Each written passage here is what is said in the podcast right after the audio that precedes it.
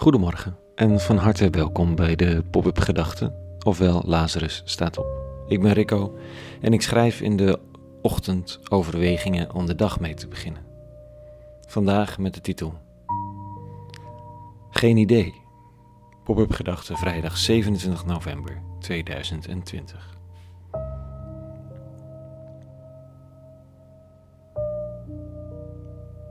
Het is al voorbij de klok van zeven vanochtend en niets heeft zich aangediend als lijntje of haakje of richting om een pop-up gedachte te schrijven.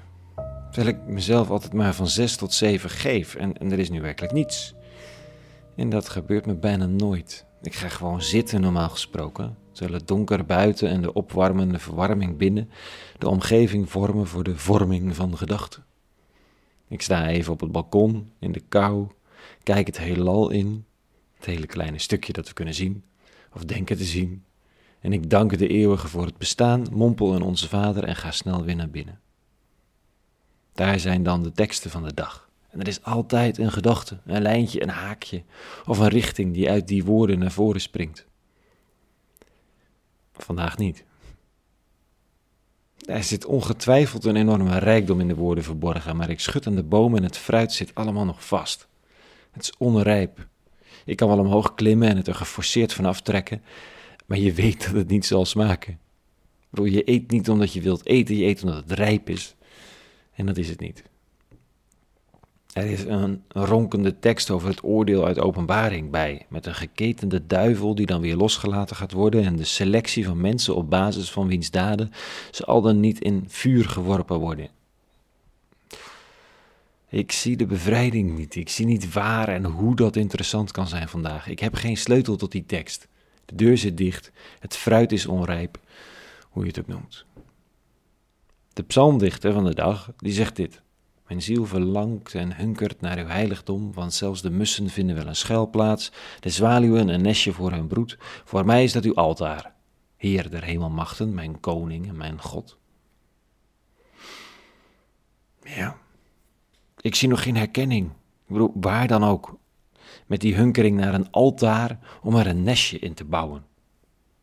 Goed, we zijn druk bezig met een verhuizing, of in elk geval de voorbereiding daarvan. En dat is ook een beetje een nestje bouwen.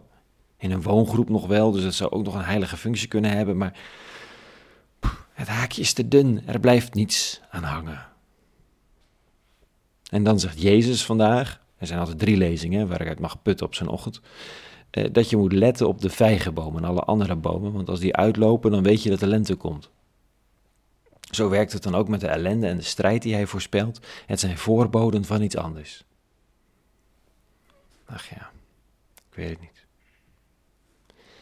Ja, misschien is er gewoon nog niets uitgelopen deze ochtend. Is het nog winter? En dat is dan ook oké. Dan ga ik wel even onder de boom zitten, wachten tot de bladeren uitbotten.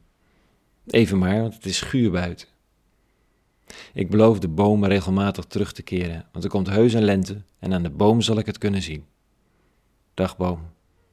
Tot later, ik hou je in de gaten. Ik geef niet op, ik zie het gewoon alleen even niet. Het fruit hangt er, maar wacht nog op rijping. De deur is er, maar de sleutel is nog zoek. De boom wacht, maar er is nog geen bloesem. Tenminste, ik zie het even niet. Niet erg ook, hè? De winter is er eentje van cocooning en rust dan wachten we gewoon nog even. Dus tot zover. Vanochtend.